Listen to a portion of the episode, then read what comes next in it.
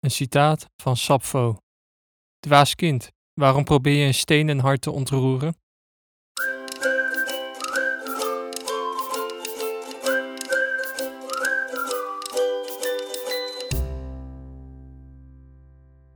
Welkom, leuk dat je luistert naar deze elfde aflevering van de Wereld en Literatuur, een podcast over wereldliteratuur. En zoals je wel hoort misschien, ik heb een nieuwe microfoon gekocht. Ik was, uh, nou ja, ik heb natuurlijk een weekje pauze gehad. Normaal had ik dat niet. Uh, ik deed het elke week, maar ik ben nu teruggegaan één keer in de twee weken. En ik dacht van, nou, ik heb nu even wat tijd over. Laat ik me even verdiepen in wat microfoons. En ik heb nu dus mijn eigen nieuwe microfoon gekocht. Uh, maar het is een stuk beter, dus daar ben ik heel blij mee. En ik hoop dat jij het als luisteraar ook een goede aanschaf vindt. En dat het luisterplezier hiermee omhoog gaat. maar ehm, het voelt als een eeuwigheid geleden eigenlijk dat ik een aflevering heb gemaakt. Wat in wezen niet zo is natuurlijk, want het is twee weken geleden. Maar er is in de tussentijd veel gebeurd. Ik ben naar de moezel geweest. De, de herfst is aangebroken, dus de bladeren vallen al een beetje van de bomen. Of een beetje, eigenlijk vallen ze van de bomen nu. Uh, de bossen kleuren helemaal, wat heel mooi is. Nou, maar nu kunnen we dus lekker tegenaan. Ik heb een weekje tijd gehad om uh, een beetje te verdiepen. Of nou eigenlijk ook om een beetje wat andere dingen te doen. Maar ik heb ook de tijd gehad om uh, wat meer te verdiepen in wat we vandaag gaan bespreken. Dus uh, dat is heel leuk, want we hebben het zijdelings best wel vaak over poëzie gehad in deze podcast. Ik heb hier en daar een dichter aangehaald. Ik heb het gehad over Rielke hier en daar. Huldelien volgens mij ook. Uh, bij Kierkegaard hebben we het gehad over hoe hij een dichter was of, of iets dergelijks. Um, maar ik dacht van, nou, het is ook wel goed om een keer een hele aflevering over poëzie te maken. En zelf dacht ik van, ja, ik kan het wel over Huldelien gaan doen. Ik heb uh, laatst, moest ik een essay over Huldelien schrijven en de interpretatie van Heidegger van Huldelien toen dacht ik van ja, nou, dat is, uh, is ook wel weer lekker makkelijk. Ik vind het ook wel leuk om iets anders te doen, mezelf een beetje uit te dagen. Dus heb ik gekozen voor de gedichten van Sappho van Lesbos, geboren in de 7e eeuw voor Christus. Um, de editie die ik trouwens gebruik deze aflevering, vorige aflevering was ik dat vergeten te zeggen, heb ik dat aan het eind nog toegevoegd, maar deze aflevering hebben we er extra om gedacht. De editie die ik gebruik is dus ja, de gedichten van Sappho van Lesbos.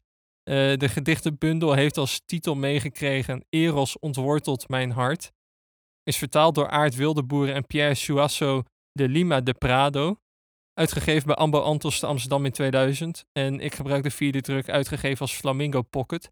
Maar uh, dit zijn de gedichten van Sappho van Lesbos. Het is een beetje een gedateerde vertaling al. Het komt uh, oorspronkelijk uit 1985 volgens mij. Terwijl er in de afgelopen jaren best wel wat nieuwe fragmenten van Sappho gevonden zijn. Maar uh, nou ja, er zijn niet heel veel moderne vertalingen nog in Nederland. Zou eigenlijk weer een nieuwe moeten komen uh, deze jaren.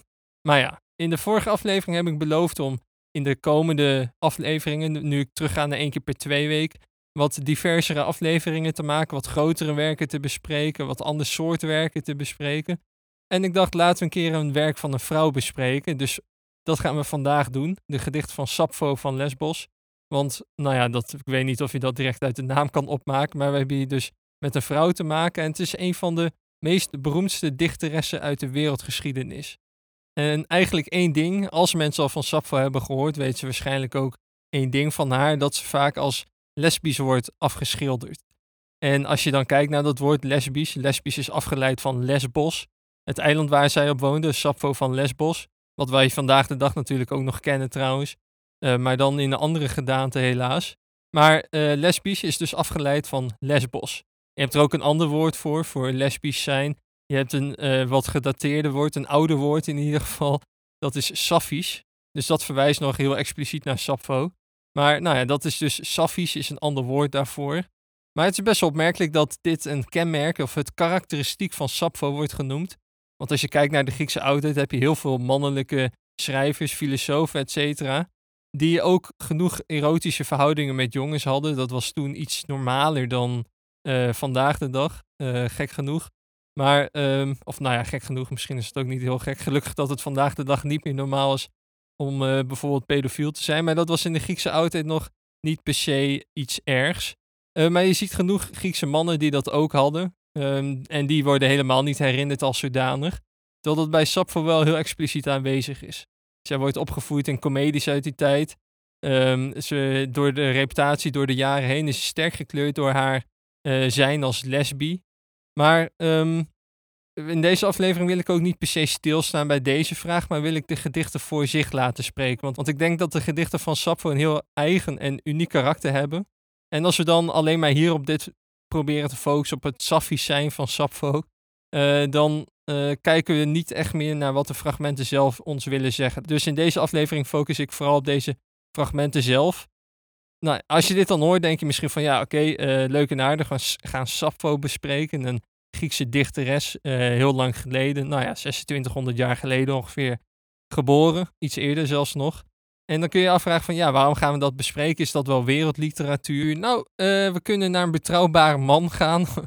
uh, want uh, als we dan kijken naar de geschiedenis, moeten we ons dan voornamelijk weer op mannen verlaten om dit oordeel te vinden. Maar Plato zegt bijvoorbeeld over Sappho het volgende, of in ieder geval een fragment dat toegeschreven wordt aan Plato, zegt het volgende, en dan citeer ik. Sommigen zeggen dat er negen muzen zijn, maar zij zouden na moeten denken. Want kijk, daar is Sappho van Lesbos. Zij is de tiende. Einde citaat. Dus hier wordt Sappho al op een voetstuk geplaatst dat zij de tiende muze is van de dichters. En ook moderne dichters, dan denk ik aan een Rielke of een Huldelien, dus die ik al wat vaker heb aangehaald. Um, maar die verwijzen ook hier en daar naar Sappho en die hebben haar ook gelezen. Die eh, zijn onder de indruk van de schoonheid van haar taal, van de Saffische versen. En dat is een bepaald metrum, een bepaald ritme wat in de poëzie van haar wordt aangehouden. Uh, maar toch zijn er heel veel gedichten van haar verloren gegaan in de jaren. Dat is heel jammer, want we hebben eigenlijk, als we naar de werken kijken van, die we van haar hebben overgeleverd, is het één gedicht en de rest zijn allemaal fragmenten. En dat zijn allemaal losse stukjes, soms is een fragment zelfs maar één woord. En die zijn verzameld uit verschillende bronnen, uit papyrus, wat nog een deel van haar gedichten bevat, van potscherven, waar dan een deel van haar gedicht op staat, maar ook uit citaten bij andere schrijvers die dan een deel van haar gedicht citeren. Um, en ik weet nog wel dat een poosje geleden zat ik een keer in de trein naar Groningen. En toen zag ik iemand naast mij, zag ik iets lezen. Um, en toen dacht ik van ja, wat is die gast nou aan het lezen? waren allemaal uh, vrij lege pagina's met uh, een paar woordjes. Maar nu weet ik dus misschien wat hij wel aan het lezen was. Misschien was hij wel Sappho aan het lezen. Want dat zijn vooral lege pagina's, zijn lege bundels. Uh, met hier en daar wat woordjes. maar dat betekent niet dat het betekenisloos is of dat de fragmenten nu ook hun waarde verloren hebben. Maar laten we snel overgaan naar de contextuele schets om te kijken welke helende woorden Sappho probeert te gebruiken.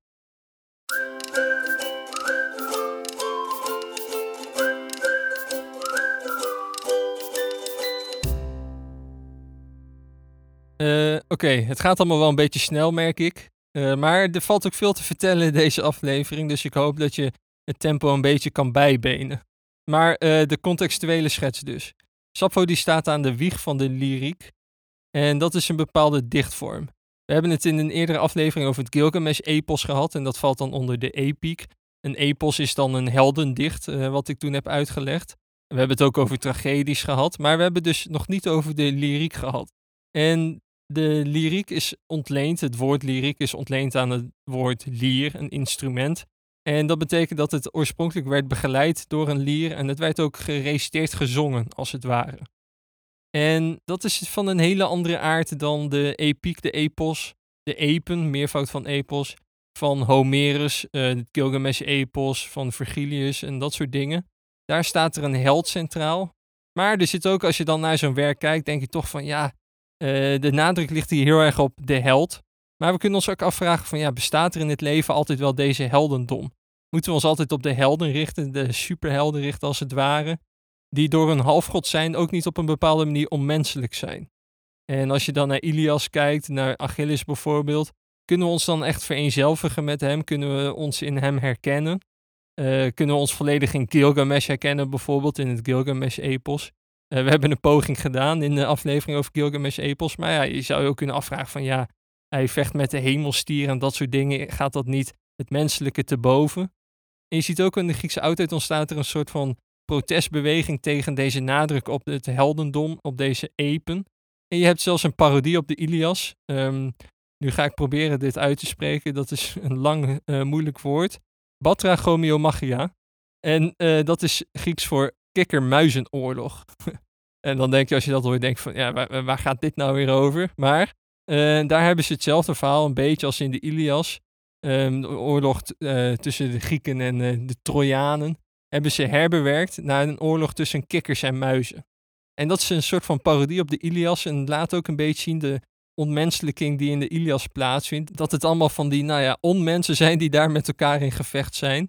En nou ja, er zit misschien wel wat in dat we kunnen zeggen van ja, waarom moeten we altijd op de held gefocust zijn? Waarom moeten we altijd op de winnaar focussen? En bij Sappho zien we deze kritiek, deze kritiek op de onmenselijking van de poëzie terugkomen. Uh, zij, wil niet, zij wil zich niet op de held richten, op de halfgod richten, vaak zelfs. Maar bij haar staat de mens zelf centraal. En hoe doet ze dat? Nou, dat doet ze op een hele wonderlijke manier. Als een van de eerste, misschien zelfs wel uit de wereldliteratuur. Als we dan kijken naar de verschillende vormen van wereldliteratuur. Maar uh, zij is dan een van de eerste die vanuit een ik spreekt. En die haar persoonlijkheid probeert te articuleren. Dus je vindt bij haar persoonlijke gevoelens uitgedrukt in poëzie. En dat wordt al direct duidelijk als je de dichtbundel die ik dus hier heb aangehaald, Eros ontwortelt mijn hart, als je die opent, dan is het eerste gedicht wat je hier leest het volgende en dan citeer ik. Vandaag zal ik mijn hart uitzingen uit liefde voor mijn vrienden. Einde citaat. Maar je ziet hier dus al heel duidelijk terugkomen dat Sappho zich richt op haar eigen leven. Ze zegt, zal ik mijn hart uitzingen uit liefde voor mijn vrienden. Dat is volledig iets anders dan wat we bij de Ilias van Homerus zien. En uh, er zit een bepaalde intimiteit hier, een bepaalde psychologische naaktheid. Een bepaald jezelf blootgeven en daarmee ook een bepaald ontstaan van subjectiviteit. Er wordt geprobeerd eigen gevoelens onder woorden te brengen. En daar gaan we zo meteen ook bij stilstaan wat het precies te betekenen heeft. Maar eerst nog even wat over Sap zelf. Uh, nou, het valt wel een beetje te verwachten, maar zo heel veel is er van haar leven niet bekend. Um, ze werd geboren dus in de 7e eeuw voor Christus. Um, een paar feiten over haar worden uit de gedichten wel een beetje duidelijk. Uh, ze woonde op Lesbos dus, wat ik al heb gezegd. En, en het is wel interessant, op Lesbos hadden de vrouwen toch wel echt een andere ronde maatschappij dan in Athene en Sparta, waar ze nou ja, niet echt volwaardige burgers waren vaak. Maar op Lesbos aan de andere kant hadden vrouwen best wel een belangrijke rol. Daarmee kon Sappho ook van invloed zijn op het culturele leven daar. Uh, wat ook deels kwam omdat ze een rijke familie had. um, nou, zal ik weer niet verbazen natuurlijk. Um, ze had waarschijnlijk een kind. Uh, is niet helemaal duidelijk, maar waarschijnlijk wel. Ze had waarschijnlijk drie broers. Ze is waarschijnlijk verbannen. Um, en nou ja, dan gaan we verliezen ons al heel snel een rijk van waarschijnlijkheden. Dus laten we niet al te veel speculeren. En accepteren dat we uh, het fijne van Sappho nooit echt kunnen achterhalen. Of in ieder geval het biologisch fijne, als het ware. Um, deze, deze aflevering toch wel een poging doen om de kern van haar poëzie te vangen. Maar dat is iets anders dan de kern van haar leven zelf. Oké, wat voor gedichten schreef Sappho dan precies? Ik heb net al eentje aangehaald en daar had, ging het direct over. Uh, vandaag zal ik mijn hart uitzingen uit liefde voor mijn vrienden. Dus er zit de hart centraal, vrienden centraal, liefde centraal. Je ziet allemaal dingen terugkomen die uh, kenmerkend zijn voor haar poëzie. En dus wat dat betreft is een best wel goede opening voor deze dichtbundel. Um, je kunt het daarmee ook wel vergelijken met andere werken uit die tijd. Je hebt uh, bijvoorbeeld Hooglied 2. Je hebt dus het bundel van Sappho heet Eros ontwortelt mijn hart. In Hooglied 2 lees je Ik ben ziek van de liefde. Dus um, nou ja, je ziet daar al wat overeenkomsten tussen die twee ontstaan. En je ziet later Plato's Symposium. De Diotima bij Socrates lijkt ook op de een of andere manier misschien deels geïnspireerd op Sappho te zijn. Want dat is ook een vrouwelijke figuur.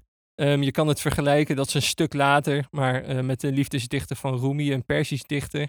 En zo gaat het mij door. Dit is een heel genre hieruit voortgekomen, eigenlijk uit de gedichten van Sappho.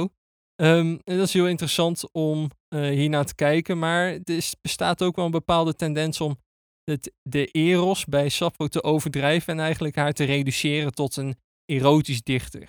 Ze is veel meer dan dat en in deze aflevering gaan we kijken waarom dat zo is. En we, we hebben natuurlijk ook al een eerdere aflevering over Eros gemaakt, over beminnen de minnekunst bij Ovidius in twee afleveringen geleden. Dus daar gaan we niet nog een keer over hebben, maar dat hoeft ook niet, want Sappho heeft ons veel meer te vertellen. En laten we snel kijken wat dat precies is.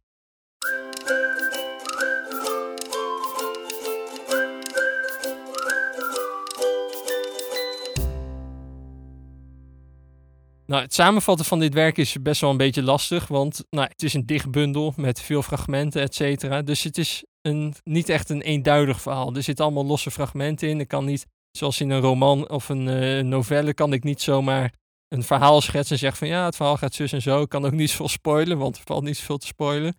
Uh, maar de gedichten zijn afwisselend in lengte, wat ik al heb gezegd. Je hebt soms een paar woorden, soms een paar zinnen, soms zelfs een paar tiental zinnen. Dus um, nou ja, je ziet al hier en daar wat lengteverschillen bestaan. En het is heel interessant dat door die fragmentatie, doordat het dus gefragmenteerd overgeleverd is, dat de gedichten daarmee ook wel een beetje modern aanvoelen. Uh, dat ze niet heel klassiek meer zijn, maar juist ook heel modern daardoor zijn dat ze maar uit een paar woorden bestaan af en toe. Maar juist daardoor ontstaat er ook een bepaalde ruimte, waar we het zo meteen over willen gaan hebben. Maar uh, de gedichten zelf hebben betrekking op tal van onderwerpen, maar vaak erotiek, mythologie, ook het dagelijkse leven. En ik geef nu gewoon een kleine selectie van een paar gedichten, um, om een beetje een beeld te krijgen van hoe Sappho schrijft. En dan ga ik in de analyse ga ik hier wat verder op door en bespreek nog een aantal gedichten. Uh, dus ik kan ze lang niet allemaal bij langs gaan. Daarvoor raad ik je zeker aan om uh, het zelf te gaan lezen. Maar ik noem er gewoon een paar en dan krijgen we een beetje indruk van wat Sappho precies heeft gedaan. Oké, dan, dan, beginnen we gewoon met waar de titel naar verwijst. Eros ontwortelt mijn hart, zoals een wervelwind een bergeik. Einde citaat. En een van haar bekendste gedichten, waar we ook dat vermeende safisme tegenkomen, daar lezen we het volgende. Voor mij is de man die tegenover je mag zitten een god. En daarmee bedoelt ze trouwens mee dat ze jaloers op hem is. Hij luistert geboeid naar je verrukkelijke stem, jouw heldere lach die mijn hart zo hevig doet kloppen. Als ik je maar even ontmoet, verstijft mijn tong. Trilt er een fel vuur door mij heen. Valt er een waas voor mijn ogen. Mijn oren suizen. Het zweet breekt me uit. Het lichaam beeft. Ik word bleker dan verdord gras. Dood lijkt nabij.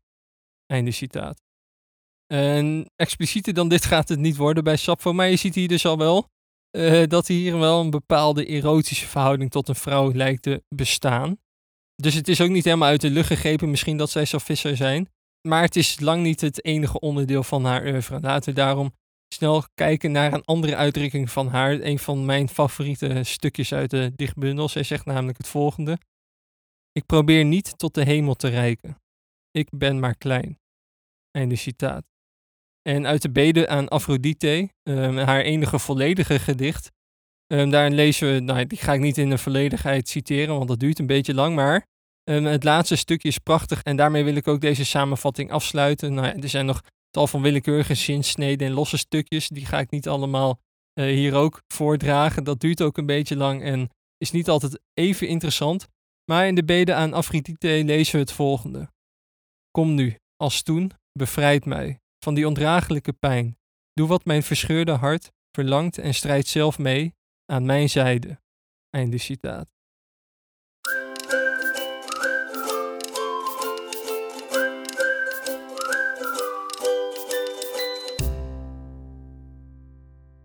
Oké, het is misschien best wel moeilijk om zo'n samenvatting te volgen, want het is niet echt een samenvatting, het zijn gewoon losse fragmenten.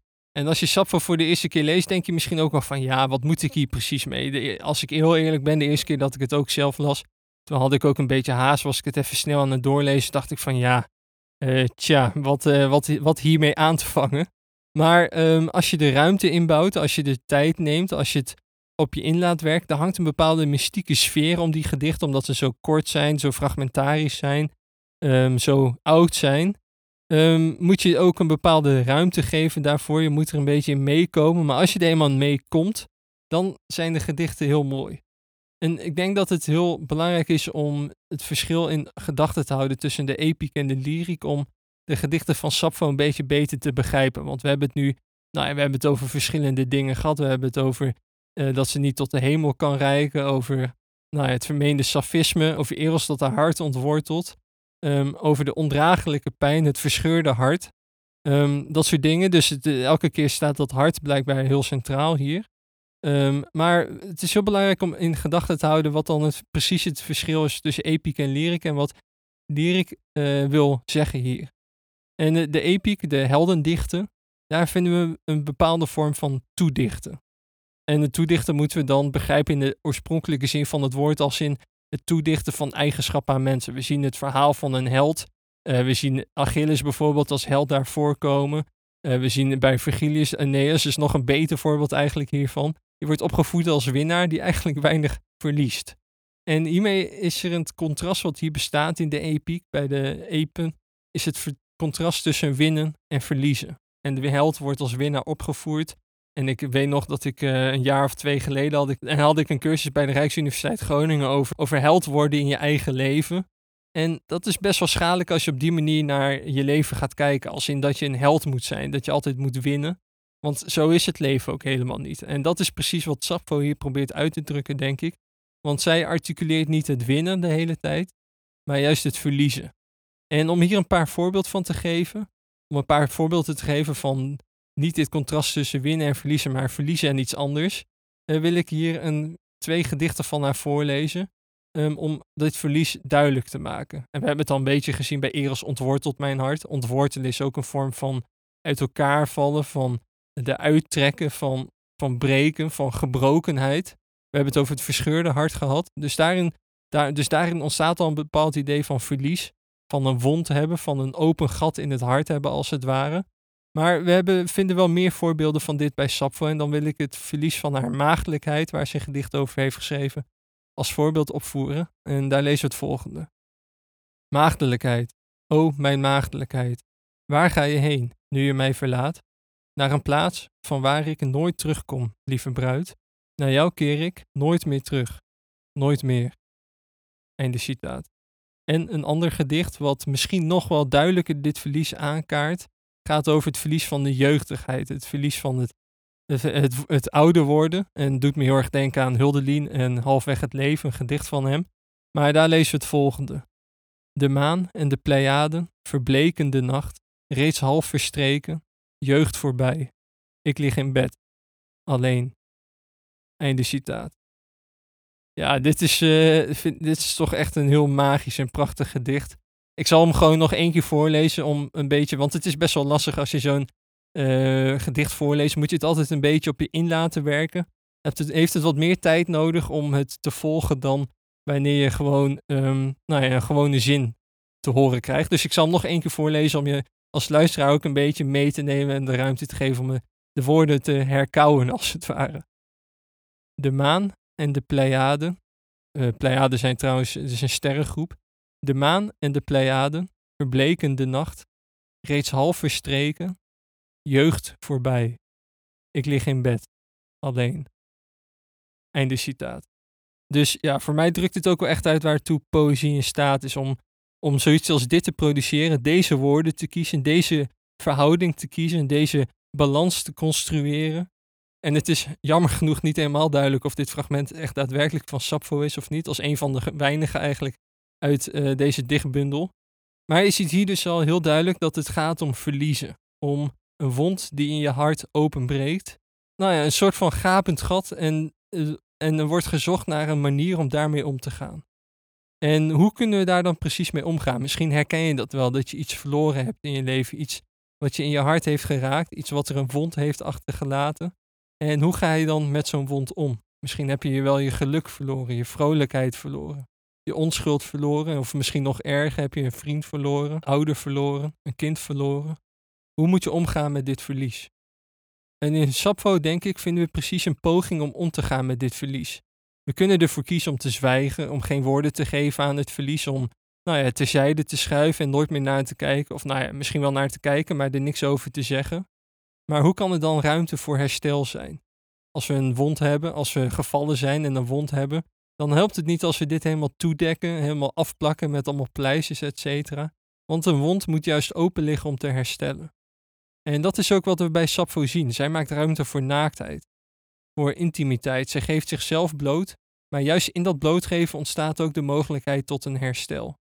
Dus het contrast dat we hier zien is niet het contrast tussen verliezen en winnen, zoals we dat contrast zien bij de helden van Homerus en Virgilius, maar het is hier een contrast tussen verliezen en herstellen. Tussen een wond hebben en weer dichten.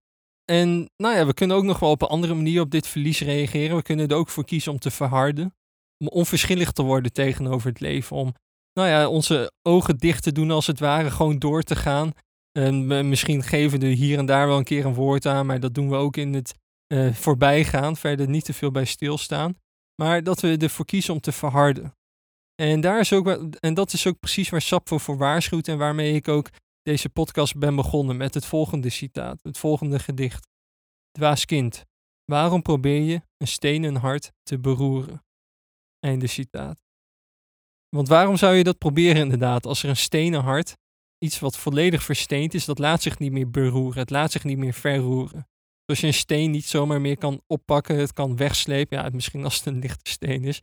Maar als een hart van verdriet kan niet licht zijn, dat is altijd zwaar. Dus de zware steen van dit verdriet kan je niet zomaar beroeren, niet zomaar wegduwen, niet meer in beweging krijgen. En daardoor is er ook geen ruimte meer voor herstel. Want als we iets proberen toe te dichten, als we iets proberen te hechten, te dichten als het ware, dan moet het weefsel ook zacht zijn. Dan moet het weefsel ook meebewegen. En een steen beweegt niet mee. We kunnen een scheur in een steen niet zomaar meer heel maken.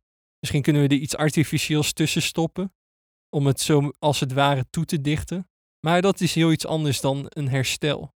Maar wat doet Sappho dan? We hebben het gezien bij de epiek, dat ze daar een toedichten doen als in het toekennen van bepaalde eigenschappen aan halfgoden, et cetera. Maar hier vinden we een hele andere vorm van toedichten. Van toedichten. Als in het herstellen, het blik geven op het herstel. En hoe doe je dat dan precies? Hoe werkt dit dichten dan van het dichten? En een van mijn favorieten hiervan is het volgende. En dit zijn allemaal losse woorden, die bestaan allemaal onder elkaar. Dus er zit geen, er zit, na elk woord zit er een enter. Dus dat geeft heel duidelijk weer. De inhoud van het gedicht komt heel erg met de vorm overeen, want het is als volgt. Druppel na druppel door mijn pijn verteerd. Einde citaat. Dus daar gaat het al. Druppel na druppel. Dus er zit al zo'n druppelend ritme in dit gedicht.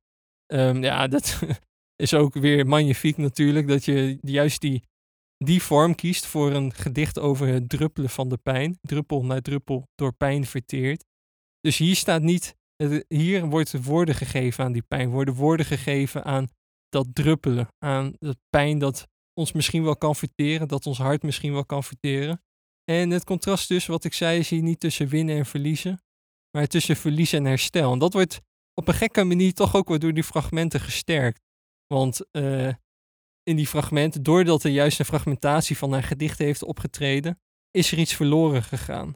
Hebben bepaalde gedeelten van haar gedichten helemaal niet meer.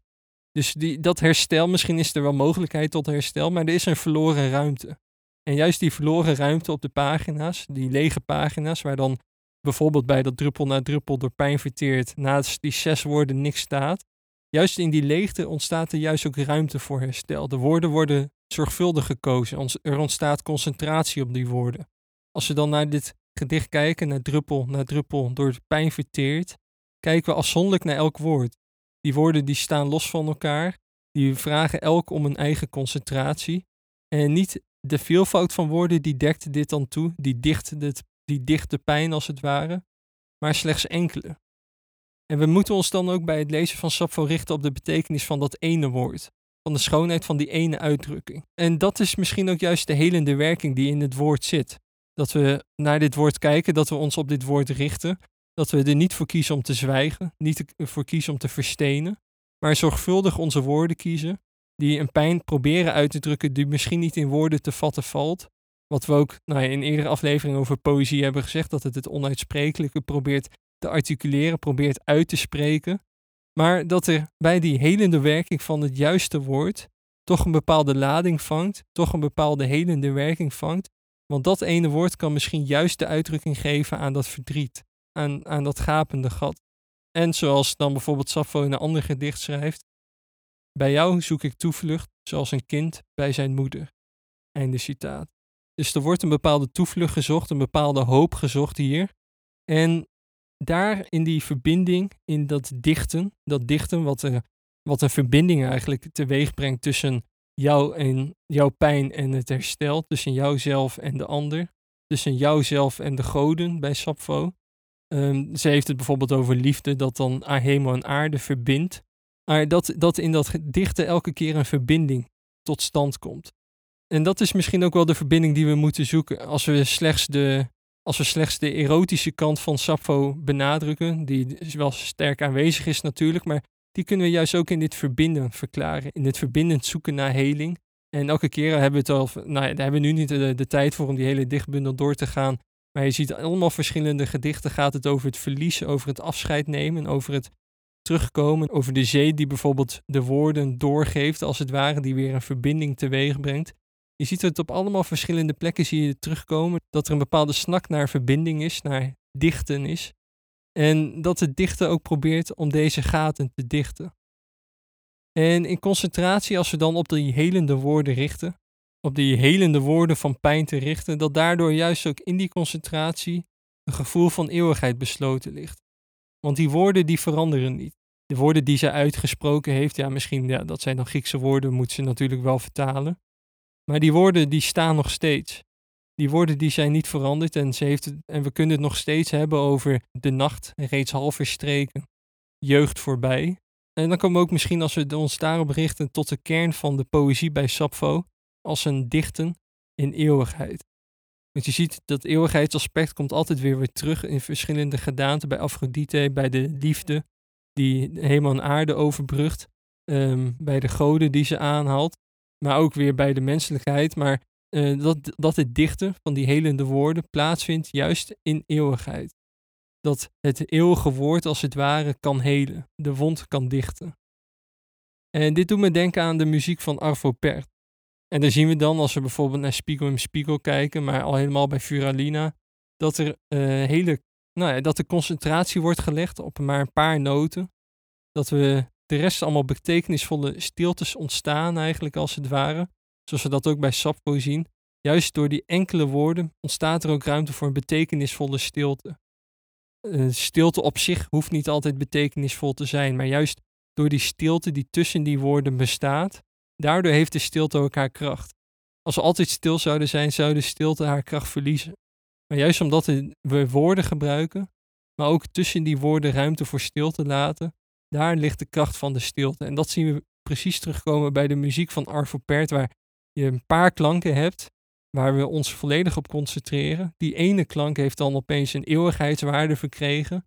Door die concentratie die we dan op die klank hebben, maar ook op die woorden hebben van Sappho, ontstaat er een gevoel van eeuwigheid, maar ook daarna weer een gevoel of een ruimte van rust, een ruimte voor de pijn, een ruimte voor het verlies, maar tegelijkertijd een poging tot herstel, een poging tot heling, een poging tot dichten.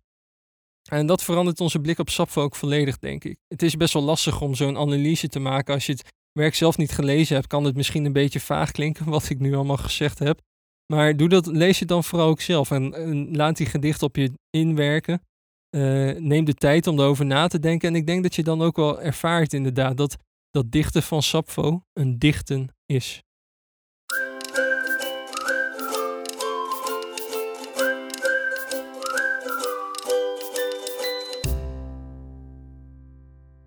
Oké, dus wat vinden we dan aan wereldliteratuur bij Sappho? Juist dit idee van verliezen en herstel. Het idee van een wond en het dichten van deze wond. Want dit kunnen we allemaal in ons eigen levens natuurlijk ook tegen, dat we iets verliezen. Dat we iets verloren hebben, dat er een gat in ons hart zit. Dat, we, nou ja, dat, dat, dat het moeilijk is om deze weer te dichten. Maar juist in die helende woorden kan die dichting haar plaats hebben. Wil je dit boek zelf lezen? Wil je dit werk zelf lezen? Je kan het uh, nou ja, het is niet heel erg verkrijgbaar in de winkels, maar tweedehands is het heel goed verkrijgbaar. Ga ervoor naar boekwinkeltjes.nl. Uh, dat is trouwens echt een geweldige site voor tweedehands uh, boeken. Daar kun je bijna alles wel altijd vinden. Um, je kan het ook wel vinden in een uh, verzamelbundels van Griekse poëzie bijvoorbeeld, maar ook in 500 gedichten die iedereen gelezen moet hebben. Er staat ook een aantal van haar in. Um, de vriend van de showloting trouwens, die ik in de vorige aflevering heb beloofd, uh, die komt een andere keer, want uh, het interview is verplaatst. Maar die komt er zeker aan. En ik heb wel een andere bonus gegeven natuurlijk voor mijn vrienden van de show. De bonusserie over Kierkegaard. Dus luister die ook vooral. Word vriend van de show als je dit wil luisteren. Het is, nou ja, het is een lange aflevering geworden. De eerste aflevering duurt meer dan een uur. Maar daar, ga ik, daar sta ik stil bij het werk van Kierkegaard en zijn pseudonimiteit. Ga voor naar vriendvandeshow.nl slash een wereld aan literatuur. Of klik op de link in de beschrijving. deel deze aflevering vooral met vrienden. En uh, als je mij wil mailen, een wereld aan literatuur.gmail.com en volg me ook op Instagram, een wereld aan literatuur. En nu heb je dit gehoord en denken van ja, waar is dan die vraag waar je normaal gesproken altijd mee afsluit? Nou, die ga ik nu bespreken.